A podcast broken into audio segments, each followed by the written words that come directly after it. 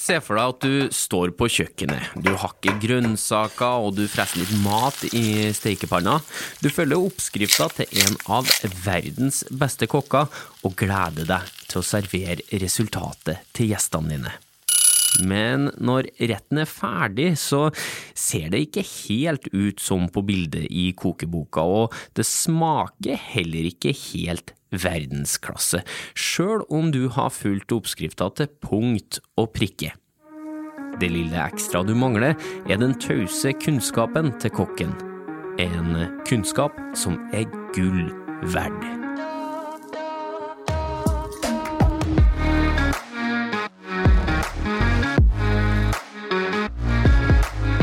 Hører podkasten Smart forklart med Aksel Faanes Persson. Hjertelig velkommen til en ny episode av Smart forklart, podkasten fra oss i Sintef der du risikerer å bli litt klokere og få litt større tro på framtida for hver eneste gang du lytter innom. Akkurat i denne episoden så kan det være at du også risikerer å få litt større tro på deg sjøl, og kanskje også få noen gode argumenter da, til neste lønnssamtale som en slags bonus i pakka. Siste er jeg litt usikker på, lover vi for mye nå, Tor? Nei da, du skal nok få se at du har en del kunnskap som du kanskje ikke tenker over. Og så skal du få se at den kunnskapen det er nettopp det som gjør det så vanskelig for en datamaskin å ta over jobben din. Ja, det er lovende. Herlig start. Mannen som går hardt ut fra startblokka, da, heter Tor Sporsem. Velkommen til deg. Tusen takk. Blant annet så forsker du på metoder for utvikling av programvare, og hvordan denne programvaren endrer arbeidshverdagen til folk. Og i den forskninga så har du blitt oppmerksom på verdien av det som kalles taus kunnskap. Hva er det for noe? Taus kunnskap, det er som du viste i eksempelet ditt med kokken. Hun smaker, hun lukter, hun krydrer, hun smaker igjen, helt til retten blir perfekt.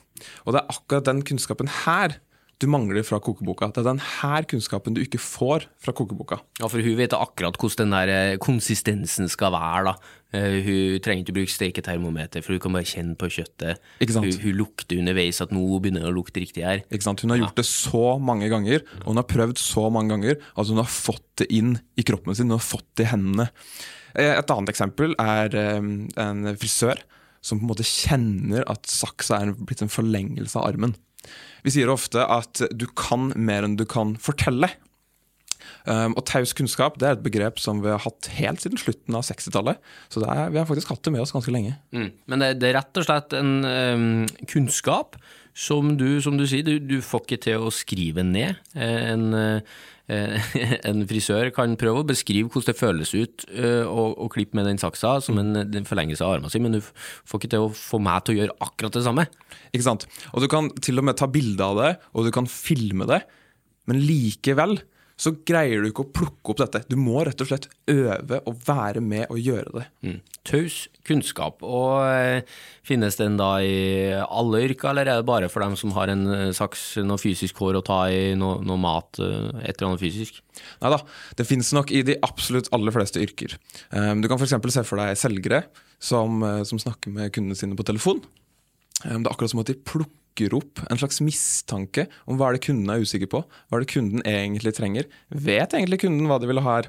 Og Dette her er noe som tar årevis med trening for å, for å plukke opp. Man kan jo prøve å skrive ned et slags manus. Jeg skulle til å si, Kan ikke du bare få ut et, et manus og følge det? da? Ja, men Det vi ser, det er at um, vi folk er så gode til å plukke opp sånt. Man plukker opp at her snakker man fra et manus, så blir man litt usikker. Mens de som er skikkelig gode, ja. de connecter seg på en måte på. Et annet eksempel er hvis du er i et møte, og hvis du er en god møteleder, så føler du deg trygg, du føler at møtelederen tar deg videre. Her også finnes det jo på en måte møteregler som du kan, som du kan bruke. Men uten den erfaringen som, med å være en fasilitator, så merker vi fort at eh, her mangler det Det mangler nesten et slags talent eller en slags intuisjon som denne personen har fått mm. gjennom flere år med, med øving. Og mange sammenligner det kanskje med Eller vil si at å sykle er en taus kunnskap. Du kan ikke bare plukke opp en bok, lese hvordan du sykler, kanskje se en video om sykling, og så skal du bare mirakuløst sette deg på en sykkel og få det til første gangen. Nei, nei det, er et, det, er et, godt poeng, men altså, hvorfor skal vi bry oss da om taus kunnskap? Altså, Hva er samfunnsnytten her? Ja, altså, nytten er på flere plan. For det første så ser vi at taus kunnskap det ligger så tett opp til kjernevirksomheten, altså de viktigste oppgavene som bedriften gjør. Hver gang vi går inn i dem, så ser vi at der dukker det opp. Så det er viktig for at bedriften din skal gå bra. Og hvis bedriften din går bra, så går Norge bra. Og så er det et litt sånn menneskelig aspekt ved det. For du som arbeidstaker, du har jo en ekspertise.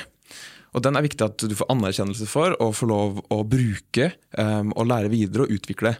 Så når vi nå skal digitalisere Norge, så er det viktig at vi ikke prøver å digitalisere de oppgavene som du er ekspert på, men heller gi deg mer tid til å være ekspert. Gjøre deg bedre som ekspert. Ved å digitalisere bort kanskje litt sånn kjipe oppgaver, litt sånn rutinemessige oppgaver. Oppgaver du kanskje egentlig ikke har lyst til.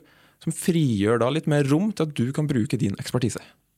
Og da får vi det alle bedre, vi blir alle effekt, mer effektive, og det går enda bedre med bedriften?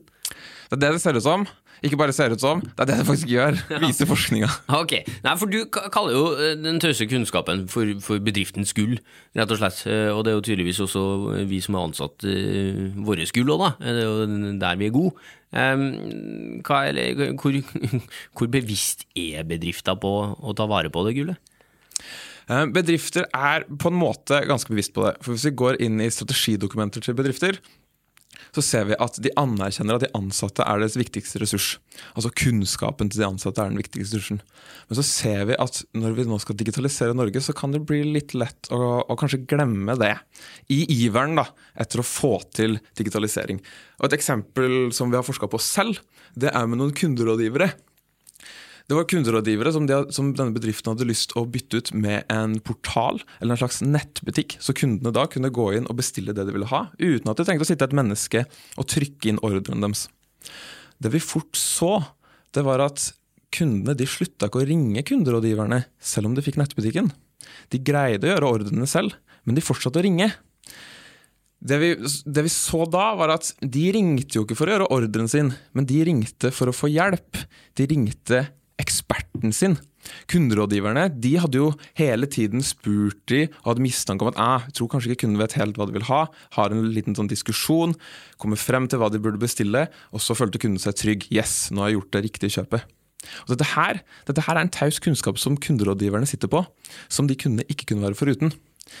I det prosjektet her så har det jo blitt en suksesshistorie til slutt. For nå har portalen tatt over alle disse rutineoppgavene til kunderådgiveren. De slipper å sitte og punche, og de får nå bruke mye mer tid på å være nettopp ekspert for kundene sine. Deilig. Ja, det er kjempedeilig. Men i denne historien så henger det med at dette her tok to år å finne ut av. Ja. Og jeg tror at hvis vi hadde anerkjent taus kunnskap helt fra starten, og inkludert disse kunderådgiverne og virkelig forstått denne prosessen, så tror jeg vi kunne gjort det på kanskje seks måneder i stedet. Ja, Men altså, det, det gode oppi det der, eh, den historien der, selv om det tok to år, var jo at man fant det ut. Altså, Den tause kunnskapen ble satt pris på, digitaliseringa ble en skikkelig eh, drivkraft, en hjelper her i, i arbeidet videre. Men hva er konsekvensen hvis du glemmer den tause kunnskapen helt, da, hvis du ikke tar hensyn til den i det, i det hele tatt? Altså, eh, Hvis man ikke hadde tatt vare på disse kunderådgiverne, f.eks., så kunne man jo sett for seg at kundene ble misfornøyd, og kanskje gikk til konkurrenten din. Og se for deg at konkurrenten din da, hadde ansatt alle dine kunderådgivere med denne tause kunnskapen. Så kan det hende at du mister konkurransefordelen din. Ja, ikke sant. Uh, men bare for å uh, si det, da. Vi må presisere det. Du synes digitalisering er en bra greie? Uh, gjør det mer effektivt? Gjør det enklere? Ja, absolutt. Jeg forsker jo på digitalisering, og jeg er jo egentlig den største heiagjengen til digitalisering. så det er mange som spør liksom, skal vi ikke digitalisere, da? Jo, det skal vi. Det okay. ligger så mye muligheter her. Vi må bare greie å ha to tanker i hodet samtidig.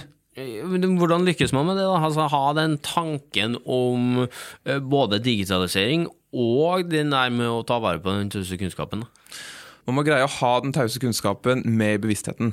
Man må finne ut hvor den er, hvem bruker den, hva går det ut på? Sånn at du greier å bygge digitale løsninger som hjelper dem i å bruke sin tause kunnskap. For så kan du som bedriftsleder gå ut, sett, sett deg lunsjen, da. Sett deg lunsjen, og så begynne å spørre folk. Hva er det de jobber med? Hvordan gjør de jobben sin? Og gjennom det så vil du begynne å plukke opp hmm, her får du en mistanke om at her tror jeg kanskje de bruker litt taus kunnskap. Kanskje du kan spørre om å få bli med og se litt hvordan de gjør det. Og på den måten da, så kan det hende at du greier å kartlegge gullet i din egen bedrift. Og hvis du da tar med disse ansatte når du skal gjøre digitaliseringstiltak, Sånn at de får fortelle om sin ekspertise. Da får du input til hvordan den digitale teknologien kan understøtte dem, kan hjelpe dem, og kanskje ta bort de oppgavene som stjeler tid fra dem. I stedet da, for at du lager et system som ikke passer dem, og som ender opp med bare å bli enda en barriere i jobbhverdagen deres. Ja, men for meg da, og for alle andre som hører på som ikke er sjefer, da, og som eh, heller kunne tenkt seg å kartlagt eh, den tause kunnskapen vår eh, for å bruke det i en Lund-samtale neste gang man er så heldig å få det, da. Hvordan finner man ut hva, hva min tause kunnskap er? Altså, jeg kan jo bruke en sykkel, så, så den tause kunnskapen har jeg, men, men hva annet, hvordan finner jeg det, alt det andre? Du kan, um, du kan prøve å se for deg at det kommer noen og skal ta over jobben din i morgen. Og så får du beskjed om at du bare skriver ned alt. Skriv ned alt du kan, sånn at denne personen kan ta over. Og alle de tingene som denne personen da ikke vil få til, som den ikke greier å lære seg gjennom at du har skrevet ned eller filmet deg selv, det er sannsynligvis den tause kunnskapen din. Og Tenk litt over mens du jobber. Tenk over om det liksom føles som at her er det intuisjonen din, her er det årevis med erfaring som gjør at du tar akkurat dette valget, som gjør at du skrur akkurat sånn som du skrur, eller som gjør at du står akkurat på den måten du står. Det er en del av din tause kunnskap. Og diskuter det gjerne med kolleger. Begynn å snakke om denne kokken, begynn å diskutere dette her begrepet. Jeg har for gjort det med min bestemor. Og Hun syns det er kjempeinteressant. Og jeg ser akkurat som jeg ser på henne, som begynner å gå gjennom hele sin yrkeskarriere, og så leter hun, og så finner hun Ja, søren! Der, der tror jeg jeg har noe taus kunnskap. Og hun syns det er kjempegøy. Så jeg tror de fleste av oss kan få til det. altså. Ja, fantastisk. Og så ser jeg litt sånn eh, eh, Hvordan i all verden, da? For jeg tenker, det, det må jo Du sier at det er taus kunnskap. Det går ikke an å skrive ned. Det går ikke an å se en video. Eh, men likevel, altså, blir det Forsvinner med deg, da? Altså, hvordan, får man overført det? Um, det, det, det, går an å overføre. Vi, på 90-tallet gikk vi i en felle i at vi trodde at sånne, sånn kunnskap kunne overføres gjennom datasystemer. Da satte Vi opp stor, vi hadde et helt fagfelt som het kunnskapsforvaltning. og vi Bedrifter ansatte egne folk til å lage store IT-systemer der vi tenkte at vi skulle fange kunnskapen til folk og så når det da kom noen nye, eller du skulle gjøre en ny oppgave, så kunne du bare gå inn i dette IT-systemet og så kunne du plukke ned den kunnskapen du trengte. Det vi ganske raskt skjønte, det var at nei. Det var en del kunnskap som satt fast i hodene og hendene til folk. Så når de bytta jobb, eller de pensjonerte seg, så forsvant det faktisk. Det funka ikke sånn som vi trodde. Men det finnes en metode for å overføre det taus kunnskap. Og det er en veldig velkjent metode som vi har brukt veldig lenge. Og det er læremester-læresvenn. Taus kunnskap det viser forskningen de siste 30 årene at det overføres når vi gjør oppgaver sammen. Når vi sosialiserer sammen. Så hvis du er en lærling, eller hvis du er en senior, og man sitter sammen og gjør oppgaven Først kan kanskje senioren prøve det, forklare hvordan man gjør det. Så prøver den som skal lære seg. Får det kanskje ikke helt til. Man tar en litt kort diskusjon, så prøver senioren viser, og så prøver du. Og på den måten så prøver og feiler dere sammen og dere bygger erfaring over tid. Og dere har det i hodene deres når du står og dusjer på ettermiddagen, når du står opp om morgenen, så husker du disse feilene du har gjort. Og disse små seierne du hadde, og skryten kanskje du fikk av senioren din. Og på denne måten så utvikler kunnskapen seg hos deg, men også hos dere som i et fellesskap. Og det er sånn det utvikles. Dette er jo grunnen til at læremester læresvenn har fungert i tusenvis av år. Og også er grunnen til at eh, store bransjer som byggebransjen konsekvent beholder denne metoden. Ja, altså Det funker faktisk, da, å jobbe i lag og ha en som, som da viser mer, da, enn å faktisk belære i Man må være sammen, da. Ja, man må rett og slett gjøre oppgavene sammen. Og I IT-bransjen så er det blitt ganske vanlig å det de kaller parprogrammering. Altså når du skal sitte og programmere, så setter det rett og slett seg to stykk ned på samme tastatur. Og så gjør de det sammen. De diskuterer og går veien sammen. Og på den måten så lærer de hverandre. Vi har også et eksempel fra min egen forskning, um, der det var to bedrifter som hadde to ganske forskjellige strategier um, når folk skulle pensjonere seg. Den ene bedriften den valgte å skrive ned prosedyrer for hvordan og Dette her var også kunderådgivere. For hvordan eh, den nye kunderådgiveren skulle gjennomføre oppgaven sin. Hvordan den skulle hjelpe kunden å bestille riktig Den gangen her var det betong. Bestille riktig betong. Mens den andre bedriften den tok kostnaden med å ansette den nye seks måneder før de pensjonerte seg. Så de fikk sitte sammen i seks måneder og overføre nettopp den på en måte slags intuisjon, denne forståelsen av hvordan de skal snakke med kunden. Og sammen da, så tok de kanskje annenhver kundesamtale, og så lærte man på den måten. Og det som viser seg, det var jo at um, i den bedriften som investerte i disse seks månedene, de fikk jo en kunderådgiver som var på med en gang. Mens den andre, der tok det lang tid før de virkelig fikk god kontakt med kundene sine. Nei, det, det, her gir jo virkelig trua på eh, menneskeheten igjen. skulle si. Altså, roboter det er veldig bra eh, for enkelte ting, men eh, de kan ikke bli like gode som oss også. Nei, um, og dette her er jo et spørsmål som diskuteres veldig mye, og det er et filosofisk spørsmål. Um, men alt peker på at den tause kunnskapen det er den som på en måte setter en slags grense for hvor langt datamaskinen kan gå. Ja, men altså, nå har vi vi har quantum computing. altså Vi har superraske datamaskiner som bare blir raskere og raskere og bedre og bedre, og, og ser ut som de blir helt fantastiske i, i tida som kommer. Og så har du eh, AI, altså kunstig intelligens. Kombinere alt de teknologiske mulighetene vi har da, uh, innenfor digitalisering. altså vil vi, vil vi, vil vi aldri klare å, å pakke inn den tøyse kunnskapen i det? Er det det du sier, eller? Jeg kan, jeg kan selvfølgelig ikke si aldri. Um, som forsker så må jeg basere meg på beviser. Men det alle bevisene viser til nå, det er at selv den optimismen og den fantastiske teknologien vi har, så greier vi ikke å ta over disse oppgavene hvor taus kunnskap er så viktig. Vi greier å ta over noen oppgaver, der det er mye repetisjon, der man gjør det samme opp igjen og opp igjen. Der taus kunnskap kanskje ikke er så viktig. Og så er det mange som mener at vi kan greie å etterligne det et menneske gjør. Men den herre kreativiteten, den herre at kunnskapen utvikler seg og blir noe nytt når vi er sammen og gjør oppgaver sammen, det ser det ikke ut som, en, eh, som teknologien får til enda.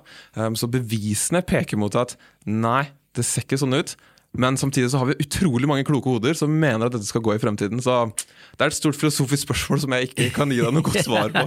det er sikkert sånn millionkronerspørsmål hvis du hadde visst svaret på det. Men vi, vi, som sitter og hører på nå, og vi som snakker her, eh, trenger ikke å bekymre oss i vår levetid i hvert fall da, for at eh, denne tause kunnskapen blir kuppa av roboter.